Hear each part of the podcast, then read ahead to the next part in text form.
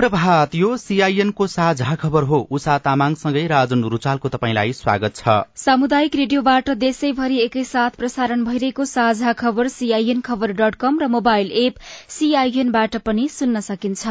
आज दुई हजार उनासी साल भदौ एक गते बुधबार अगस्त सत्र तारीक सन् दुई हजार बाइस नेपाल सम्मत एघार सय बयालिस भाद्र कृष्ण पक्षको षष्ठी तिथि। साझा खबरमा प्रमुख खबरका शीर्षकहरू। नागरिकता विधेयक द्रुत मार्गबाट अघि बढ़ाइने हुबहु पेश गर्ने सरकारको तयारी प्रमुख प्रतिपक्ष एमाले असन्तुष्ट राष्ट्रपतिमाथि संवैधानिक दबाव। दल दर्ताका लागि निर्वाचन आयोगमा चौरासी दलको निवेदन। आजबाट छानबिन हुने सत्ता गठबन्धनलाई सीट बाँडफाँडको आधार तय गर्ने सकस। अर्थतन्त्रका अधिकांश सूचक बिग्रदो अवस्थामा रेमिट्यान्स बढ़दा केही आशाको संकेत इन्धनको मूल्य तीन पटक घट्यो तर नेपालमा घटाइएन। जग्गाको मूल्य कतै बढ़्यो कतै उस्तै। नदीमा पानी सुक्दै गएपछि युरोपमा ढुवानी समस्या रूसको अर्को हतियार भण्डारमा विस्फोट विश्वभर कोरोना निको हुनेको संख्या सन्ताउन्न करोड़ नाघ्यो र फिफाले भारतीय फुटबल महासंघलाई अनिश्चितकालका लागि प्रतिबन्ध लगायो।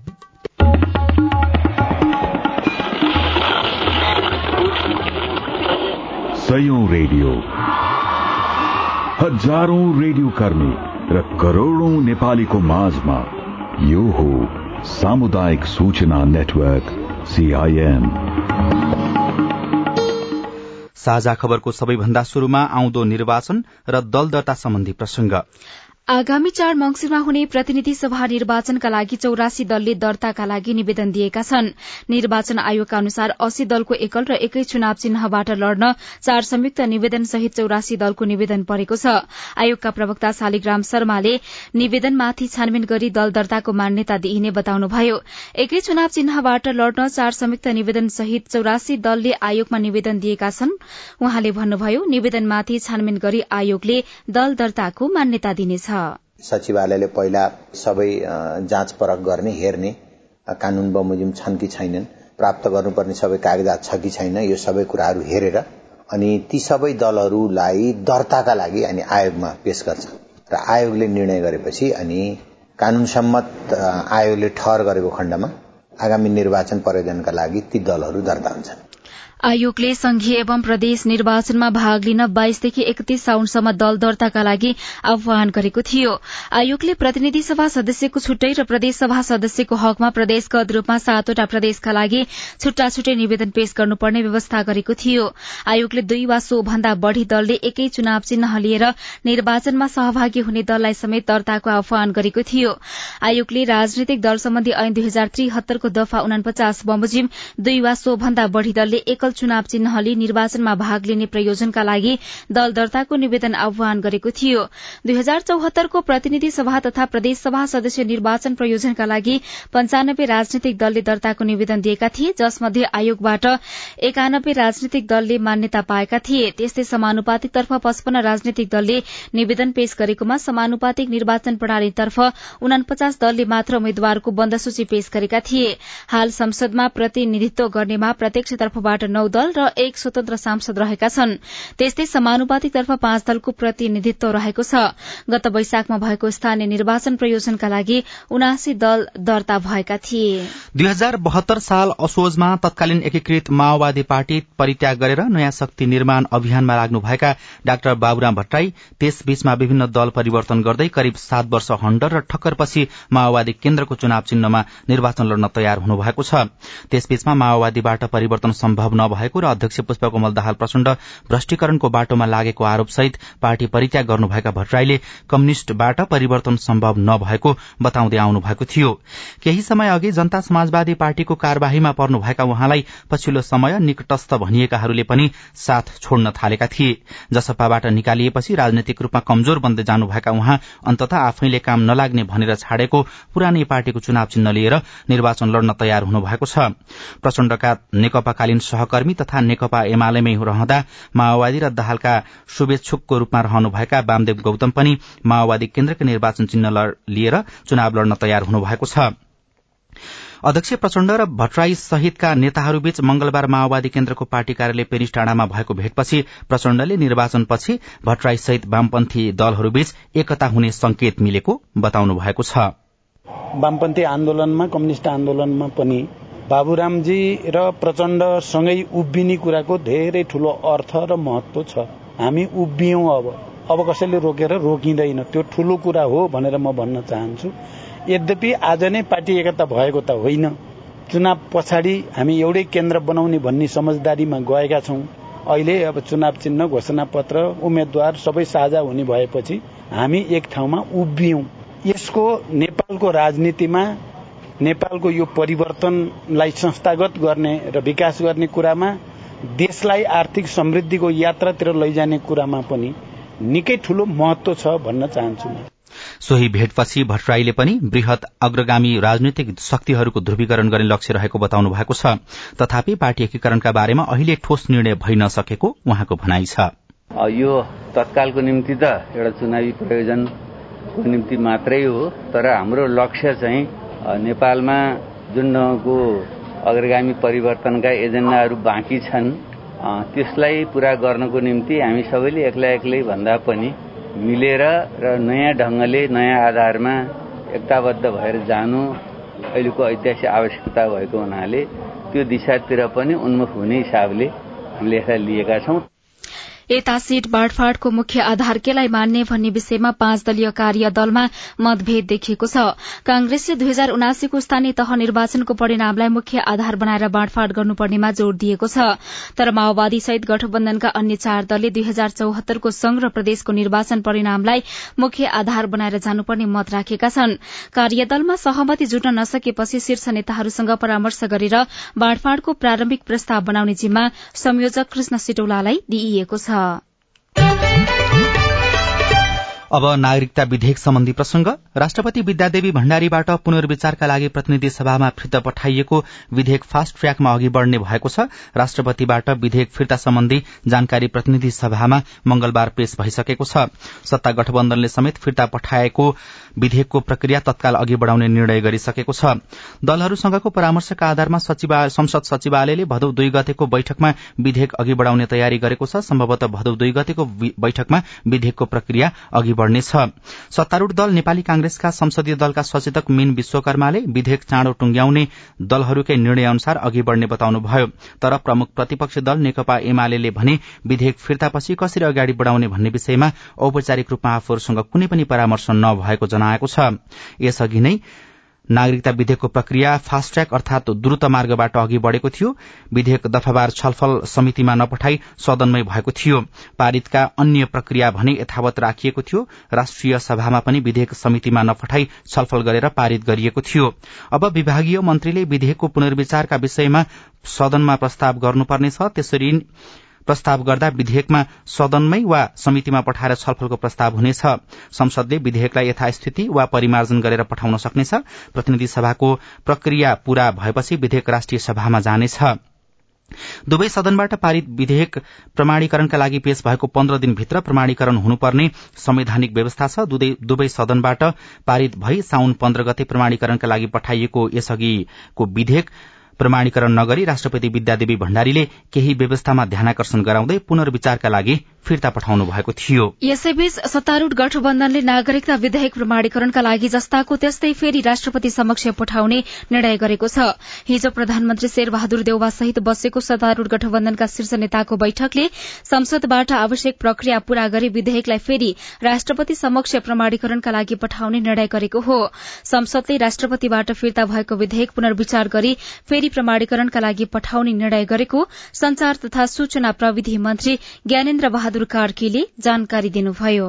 राष्ट्रपतिज्यूलाई रहेको संवैधानिक अधिकार बमोजिम नेपाल नागरिकता ऐन दुई हजार त्रिसठीलाई संशोधन गर्न बनेको विधेयक फिर्ता आएकोमा संविधान बमोजिम संसदले पुनः विचार गरी प्रमाणीकरणका लागि पुनः पठाएमा प्रमाणीकरण गर्नै पर्ने संवैधानिक व्यवस्था भए बमोजिम फिर्ता आएको उक्त विधेयकलाई संसदमा तत्काल प्रक्रिया अगाडि बढाउने सहमति भएको छ। राष्ट्रपतिले उक्त विधेयक पुनर्विचारका लागि फिर्ता पठाइसकेको अवस्थामा संवैधानिक प्रक्रिया अनुसार संसदमा छलफल गरी यथास्थितिकै विधेयकलाई प्रमाणीकरणका लागि फेरि पठाउने तयारीमा गठबन्धन जुटेको हो। संविधानले राष्ट्रपतिलाई एकपटकका लागि त्यसरी विधेयक फिर्ता पठाउन सक्ने अधिकार दिएको छ। तर संसदले सोही विधेयकलाई पुनर्विचार गरी प्रमाणीकरणका लागि पठाएमा राष्ट्रपतिले फेरि फिर्ता पठाउन मिल्दैन। अंगीकृत नागरिकता वितरणको विषयमा दलहरू बीचमा मतभेद रहेको छ भने विवाह गरेर आउने महिला र पुरूषका हकमा विभेद गरिएको भन्दै विरोध पनि भइरहेको छ।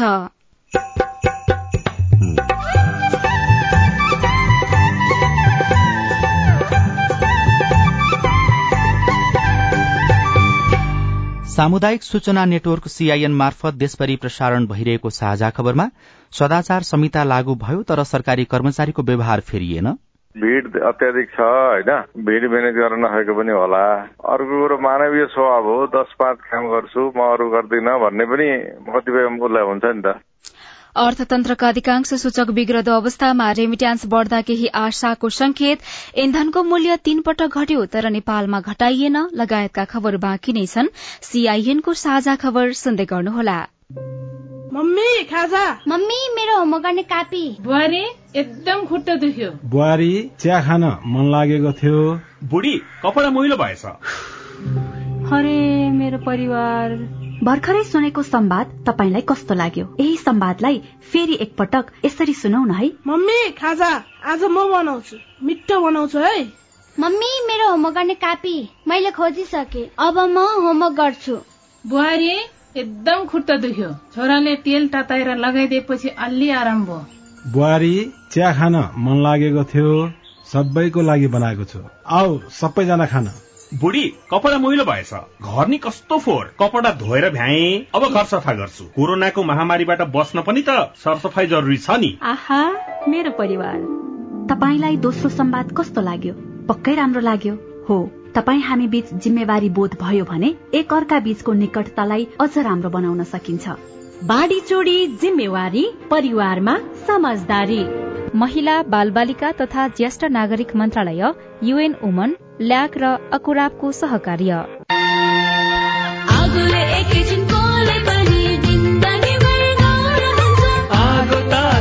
बिजुली प्रयोग गर्दा होस् गर्नुपर्छ।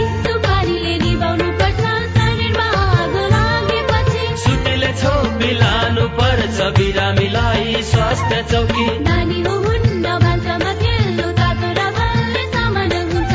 होस् गरी चलाऊ स्टोभ र ग्यास भुइँमा पकाए दुर्घटना बढ्छ। अग्निजन्य दुर्घटना भएमा शून्य एक पचपन्न पचपन्न छ आठ नौमा सम्पर्क गर्नुहोस्। बीबीएस नेपाल ललितपुर। सामाजिक रूपान्तरणका लागि यो हो सामुदायिक सूचना नेटवर्क सीआईएन तपाईँले देशभरिका सामुदायिक रेडियो सीआईएन खबर डट कम र मोबाइल एप सीआईएनबाट एकैसाथ साझा खबर सुन्दै हुनुहुन्छ। अब बाँकी खबर। गत आर्थिक वर्षमा मुलुकको अर्थतन्त्रका अधिकांश सूचकांक विग्रत अवस्थामा पुगेका छन्। आर्थिक वर्ष दुई हजार अठहत्तर उनासीमा चालू खाता छ खर्ब तेइस अर्ब तेत्तीस करोड़ रूपियाँले घाटामा रहेको छ। अघिल्लो वर्ष चालू खाता तीन अर्ब तीन खर्ब तेत्तीस अर्ब सडसठी करोड़ले घाटामा रहेको थियो। अमेरिकी डलरमा अघिल्लो वर्ष दुई अर्ब चौरासी करोड़ले घाटामा रहेको चालू खाता एक वर्षमा पाँच अर्ब सत्र करोड़ले घाटामा पुगेको छ। नेपाल राष्ट्र ब्याङ्कका प्रवक्ता डाक्टर गुणाकर भट्टले सीआईएनसँग कुरा गर्दै यसले शोधनान्तर घाटामा प्रतिविम्बित भएको बताउनुभयो। गत आर्थिक वर्ष? विशेष गरिकन विदेशी विनिमय संचितिमा शोधनान्तर स्थितिमा चालू खातामा ठूलो दबाव रह्यो। विदेशी विनिमय संचिति उल्लेख्य हिसाबबाट घटेको देखिन्छ। त्यो चाहिँ हाम्रो शोधनान्तर घाटामा प्रतिबिम्बित भएको छ। त्यसै गरिकन मुद्रास्फीतिको दबाव बढेको अवस्था छ। औसतमा मुद्रास्फीति गत वर्ष चार प्रतिशत भन्दा तल रहेको अवस्था थियो भने अहिले औसतमा मुद्रास्फीति छ दशमलव तीन दुई प्रतिशत रहेको छ। वार्षिक बिन्दुगत मुद्रास्फीति भन्दा भन्छौँ असार महिनामा। यसको तुलनामा के मुद्रास्फीतिमा कमी हो तर त्यो पनि असारमा अरू महिनाहरूको तुलना गर्दा मुद्रास्फीतिको चाप पनि छ मूल्य वृद्धिको चाप छ। तर कान्तिपुर दैनिकले भने रेमिट्यान्स बढ़दा र आयात नियन्त्रण हुँदा अर्थतन्त्रमा सुधारको संकेत मिलेको खबर लेखेको छ। आयात नियन्त्रण र रेमिट्यान्स बढ़न थालेपछि ऋणात्मक अवस्थामा रहेका अर्थतन्त्रका सूचकमा सुधारका संकेत देखिन थालेका छन्। दुई हजार अठहत्तर अनुसार दुई हजार अठहत्तर असारको तुलनामा गत असारसम्म विदेशी मुद्रा संचिति शोधनान्तर स्थिति भुक्तानी सन्तुलन लगायतका सूचक ऋणात्मक अवस्थामै छन् तर अघिल्ला महिना वैशाख र जेठको तुलनामा भने असारमा उल्लेखित रूपमा सूचकहरूमा सुधारको संकेत देखिएको हिजो सार्वजनिक भएको राष्ट्र बैंकको गत आर्थिक वर्षको आर्थिक तथा वित्तीय स्थिति प्रतिवेदनले औंल्याएको खबरमा उल्लेख गरिएको छ। नेपाली मुद्राको तुलनामा अमेरिकी डलरको भाव बलियो हुँदै जाँदा रेमिट्यान्स आप्रवाहमा सकारात्मक प्रभाव परेको पनि अर्थतन्त्रका सूचकमा देखिएको जानकारहरूले बताएका छन्। सरकारले केही विलासी वस्तुको आयात रोका गरेको राष्ट्र बैंकले करिब चौध सय वस्तुको आयातका लागि खोलिने प्रतिपत्रमा कड़ाई गरेको कर्जा विस्तारमा संकुचीकरण नीतिका रूपमा अगाडि बढ़ाएका कारण पनि अर्थतन्त्रका सूचकका सुधारका संकेतहरू देखिएको अर्थविज्ञहरूले बताएका छन्। गत आर्थिक वर्षमा रेमिट्यान्स मार्फत दश खर्ब सात अर्ब एकतीस करोड़ रूपियाँ भित्रिएको पनि खबरमा उल्लेख गरिएको छ। त्यस्तै कान्तिपुर दैनिकको अर्थ वाणिज्य पृष्ठमै जग्गाको मूल्य कतै बढ़ेको कतै उस्तै रहेको खबर सीमा तामाङले लेख्नु भएको छ। उपत्यकामा पाँचवटा मालपत कार्यालयले आर्थिक वर्ष उनासी अस्सीका लागि घर जग्गाको थैली अंक न्यूनतम मूल्याङ्कन बढ़ाएका छन्। मालपोत कार्यालय कलंकी र साँखु भूमि सुधार तथा मालपोत कार्यालय भक्तपुर लगनखेल र मालपोत कार्यालय गट्टी खेलले न्यूनतम मूल्याङ्कन बढ़ाएको भूमि व्यवस्थापन तथा अभिलेख विभागले जनाएको छ। चालू आर्थिक वर्ष मालपोत कार्यालय चाबहिल भूमि सुधार तथा मालपोत कार्यालय डिल्ली बजार मालपोत कार्यालय टोखा र मनमैजूले भने गत वर्षको मूल्याङ्कनलाई नै निरन्तरता दिएका छन्। सबैभन्दा धेरै मूल्य बढ़ाउने भूमि सुधार तथा मालपोत कार्यालय भक्तपुर हो। भक्तपुर नगरभित्र पर्ने अरण्यको राजमार्गसँग जोडिएको जग्गाको मूल्य प्रति आना नौ लाख चौबिस हजार रूपियाँ बढ़ेको खबरमा उल्लेख गरिएको छ। कतारमा विश्वकप फुटबलका लागि पूर्वाधार बनाउने क्रममा मृत्यु भएका गम्भीर चोटपटक लागेका र ज्यालाबाट वञ्चित भएका श्रमिक र परिवारलाई क्षतिपूर्ति दिन अन्तर्राष्ट्रिय मानवाधिकार कर्मीले फिफा र कतारमाथि दबाव जारी राखेका छन्। विश्वकप फुटबल शुरू हुन तीन महिना छ दिन मात्र बाँकी रहेका बेला श्रमिकको आधारभूत अधिकार भने अनिश्चित छ। वैदेशिक रोजगार विभागका अनुसार कतारमा मात्रै सत्र लाख नेपाली श्रमिक गइसकेका छन्। दोहा स्थित नेपाली दूतावासका अनुसार सन् दुई हजार दस यता कतारमा एक हजार आठ सय चौरासी श्रमिकको मृत्यु भएको छ।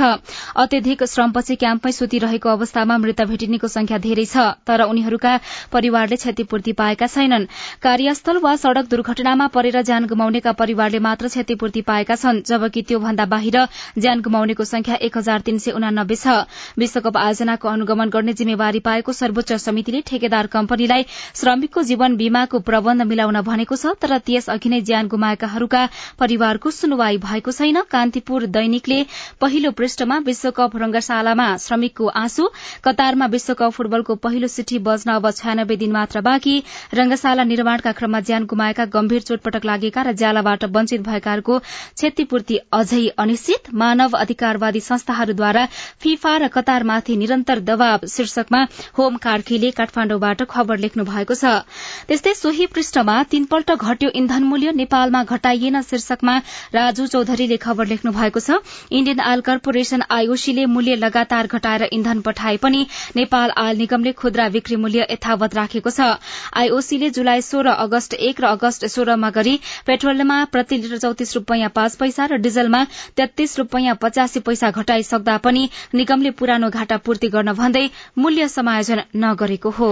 आजका सबैजसो पत्र पत्रिकाले फोहोर फ्याँक्न सकस भएको र काठमाडौँ दुर्गन्धित बन्दै गएको खबरलाई प्राथमिकताका साथ छापेका छन्। हामीले नागरिक दैनिकबाट यो खबर लिएका छौं।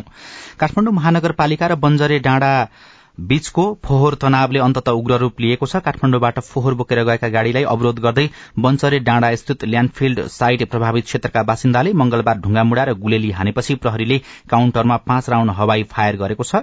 फोहोर बोकेका गाड़ीलाई ल्याण्डफिल्ड साइटमा जान नदिन बिहानैबाट अवरोध गर्न बसेका आन्दोलनकारीले ढुङ्गामुडा गरेका कारण अश्रुग्रास र हवाई फायर गर्नु परेको काठमाण्डुका प्रहरी प्रवक्ता दिनेश राज मैनालीले बताउनु भएको छ। तनाव र अवरोधका बीच प्रहरीको सहयोगमा मंगलबार करिब दुई सय ट्रिप फोहोर बन्चरे डाँडामा विसर्जन गरिएको काठमाडौँ महानगरपालिका वातावरण विभागका प्रमुख सरिता राईले बताउनु भएको छ। साझा खबरमा अब हेलो सीआईएन सजना तिमल सिन्हाबाट। नमस्कार। म चित्रघट्टा गाउँपालिका वार्ड नम्बर आठ औरीबाट राम प्रताप शाह बोल्दैछु। उखु किसानको अनुदानको रकम अरू जिल्लाको पाइसकेको छ र सर्लाही जिल्लाको कहिले पाउँछ? जवाब दिँदै हुनुहुन्छ कृषि ज्ञान केन्द्र सर्लाहीका प्रमुख कमलदेव कुसुवाहा। यहाँ सर्लाही जिल्लामा के भएको छ भने कि हामीले त्यो समितिबाट निर्णय गरेर माग गरेका छौँ पैसा। अनि पैसा आइसके चाहिँ छैन। अब तुरन्तै आउँछ र हामीले अब तुरन्त किसानहरूको खातामा हामीले भुक्तानी दिन्छौँ। ओखलढुङ्गाबाट पार्वती थापा प्रश्न गर्नुहुन्छ।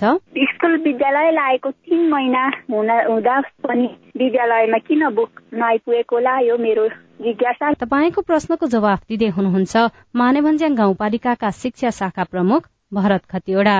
हामीले माने भन्ज्याङ गाउँपालिकाबाट माने भन्ज्याङ भित्रका सामुदायिक विद्यालयहरूको लागि पाठ्य पुस्तक किन्नका लागि रकम निकासा गरिसकेका छौँ। त्यहाँको विद्यालयले पनि त्यो पाठ्य पुस्तक किन्ने प्रोसेसमा छ। केही कक्षाहरूको चाहिँ पुस्तक उपलब्ध नभएर चाहिँ उहाँहरूले किन्न सक्नु भएको छैन होला। चाँडै यसको समस्याको समाधान हुन्छ। हेलो म सिन्धुलीबाट रमेश कोइराला बोलेको। हामीले माविको लाइसेन्स हेटौडाबाट दिएको। अब हामीले लाइसेन्स चाहिँ कहाँबाट पाउँछौँ होला? त्यो बारेमा जानकारी दिने भए हामी आभारी हुन्थ्यौँ। तपाईँको जिज्ञासा मेटाउँदै हुनुहुन्छ शिक्षक सेवा आयोगका प्रशासकीय प्रमुख केशव प्रसाद दाहाल। हामीले तपाईँले परीक्षा दिएको जिल्ला सदरमुकाम शिक्षा कार्यालयबाट तपाईँले आफ्नो चाहिँ अध्यापन पत्र प्राप्त तपाईँ जुनसुकै बेला हाम्रो टेलिफोन नम्बर शून्य एक बान्न साठी छ चार छमा फोन गरेर आफ्नो प्रश्न जिज्ञासा गुनासा तथा समस्या रेकर्ड गर्न सक्नुहुनेछ। साझा खबरमा अब विदेशका खबर। लामो समयदेखिको चर्को खडेरीका कारण युरोपका अधिकांश देशका नदीमा पानीको स्तर घट्दै गएपछि ढुवानीमा समस्या भएको छ। जर्मनीको राइन फ्रान्सको सेन रोन र लुवार इटालीको पो बेल्जियमको एस्कोट र मास बेलायतको थेम्स र नेदरल्याण्डसको मुस लगायतका नदीमा पानीको स्तर घट्न थालेपछि ढुवानीमा समस्या भएको हो। युरोपकै सबैभन्दा लामो दानुबे नदी युरोपेली मुलुकहरूका दसवटा देश भएर बग्छ। यसमा पानीको स्तर घट्दै गएपछि Germany Austria Slovakia Hungary Croatia Serbia Romania Bulgaria Moldova लगायतका देशमा यातायातमा समस्या भएको युरोपेली आयोगको संयुक्त अनुसन्धान केन्द्रले जनाएको छ। विश्वभर कोरोना भाइरस संक्रमण निको हुनेको संख्या सन्ताउन्न करोड़ नागेको छ। गत चौविस घण्टामा यो खबर तयार पार्दासम्म नौ लाख उन्नाइस हजार भन्दा धेरै संक्रमित निको भएसँगै विश्वभर कोरोना जित्नेको संख्या सन्ताउन्न करोड़ सात लाख भन्दा धेरै भएको तथ्याङ्क सार्वजनिक भएको हो। रूसको नियन्त्रणमा रहेको क्रिमियाको माइसखोय गाउँमा रहेको एउटा रूसी हतियार भण्डारण केन्द्रमा मंगलबार विस्फोट भएर ध्वस्त भएको छ। यो हतियार भण्डारणमा विस्फोटनमा युक्रेनको हात रहेको ठानिएको छ। एकै सातामा रूस नियन्त्रित प्रायद्वीपमा भएको यस्तो प्रकारको यो दोस्रो घटना भएको बताइएको छ। र कोरोना महामारीले एसिया तथा प्रशान्त क्षेत्रमा कुपोषणको दर बढ़ाएको राष्ट्रसंघीय निकाय खाद्य तथा कृषि संगठन एफएओले जनाएको छ। एफएओले कोविडको विश्व अर्थतन्त्रमा पारेको प्रभावसँगै लाखौं मानिसहरू खाद्य असुरक्षा र कुपोषणबाट नराम्ररी प्रभावित भएको जनाएको छ। डब्ल्यूएफपीका अनुसार कोविडका कारण बढ़ेको बेरोजगारी र उत्पादनको बजार घटेसँगै खाद्य संकट पनि निम्तिएको हो।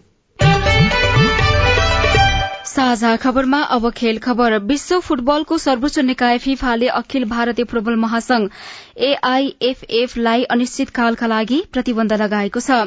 एआईएफएफमा असम्बन्धित व्यक्ति हावी भएको र फिफा कानूनको गम्भीर उल्लंघन गरेको भन्दै अन्तर्राष्ट्रिय फुटबल महासंघ फिफाले भारतीय फुटबल महासंघलाई निलम्बन गरेको हो। एआईएफले आफ्नो दैनिक काम कार्यवाहीमा नियन्त्रण नराखे पछाडि यस्तो निर्णय गरेको जनाएको छ। फिफाको पछिल्लो निर्णयसँगै भारतले अन्तर्राष्ट्रिय प्रतियोगितामा प्रतिस्पर्धा गर्न पाउने छैन। फिफाको प्रतिबन्धपछि भारतले पहिलो महिला महिला साफ च्याम्पियनशीप पनि खेल्न नपाउने भएको हो। भारत निलम्बनमा परेपछि नेपाली महिला टोलीलाई राहत मिलेको छ। सदाबहार विजयी टोली निलम्बनमा परेपछि नेपाली महिला टोलीलाई राहत मिलेको हो।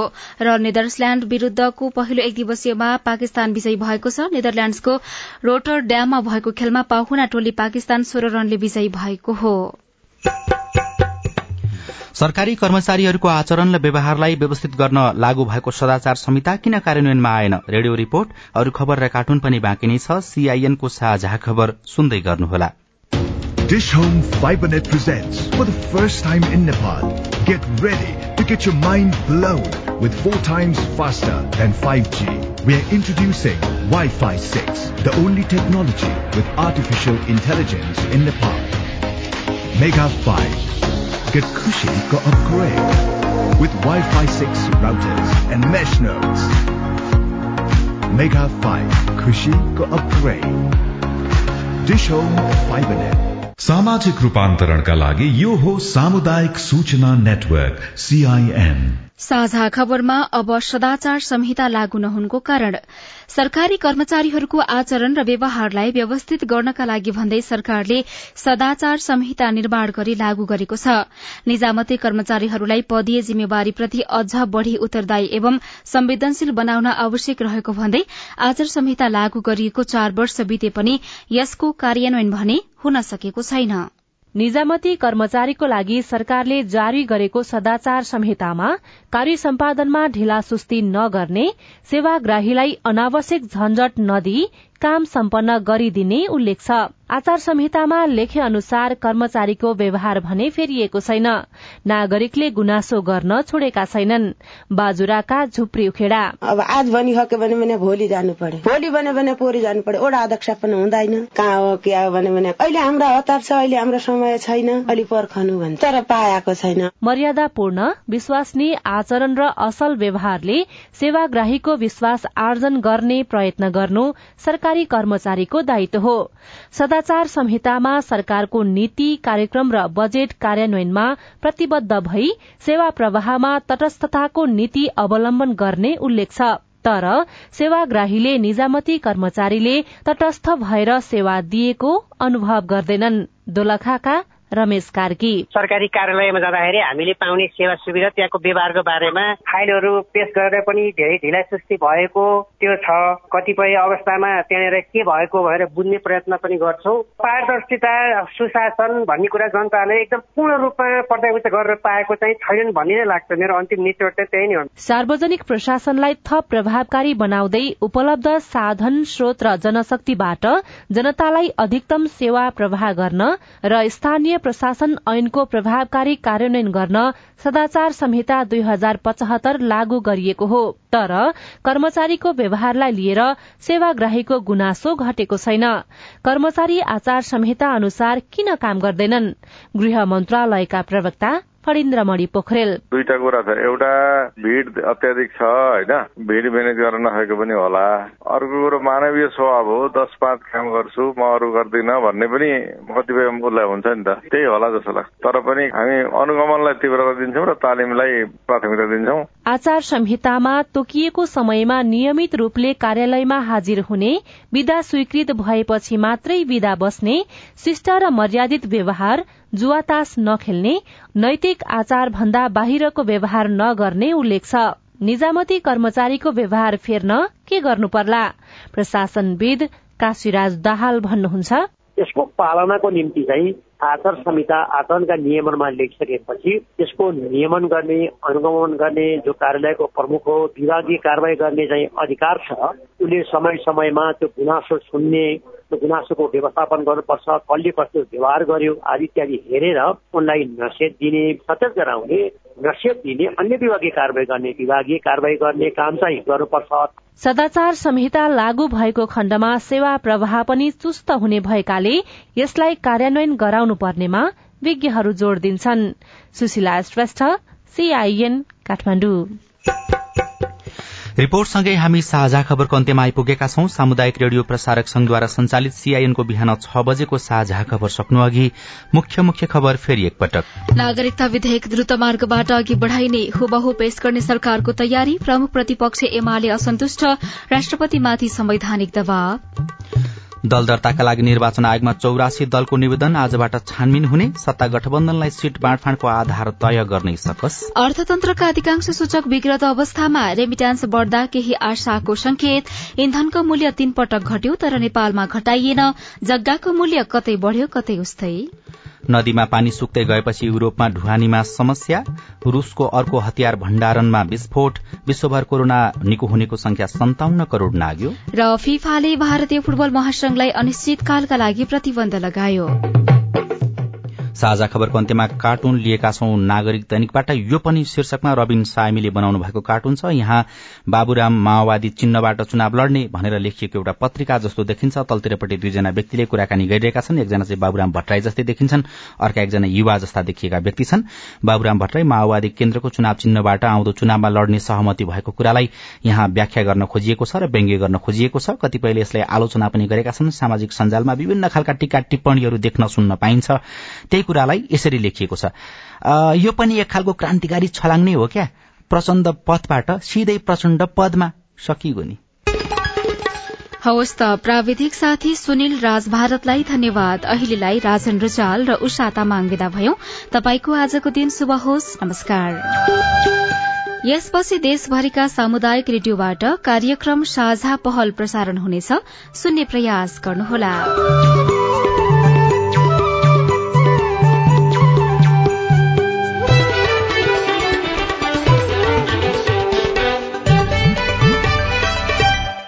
नेपाल टेलिकमको सूचनाको संसार होइन के सुनेको यस्तो ध्यान दिएन?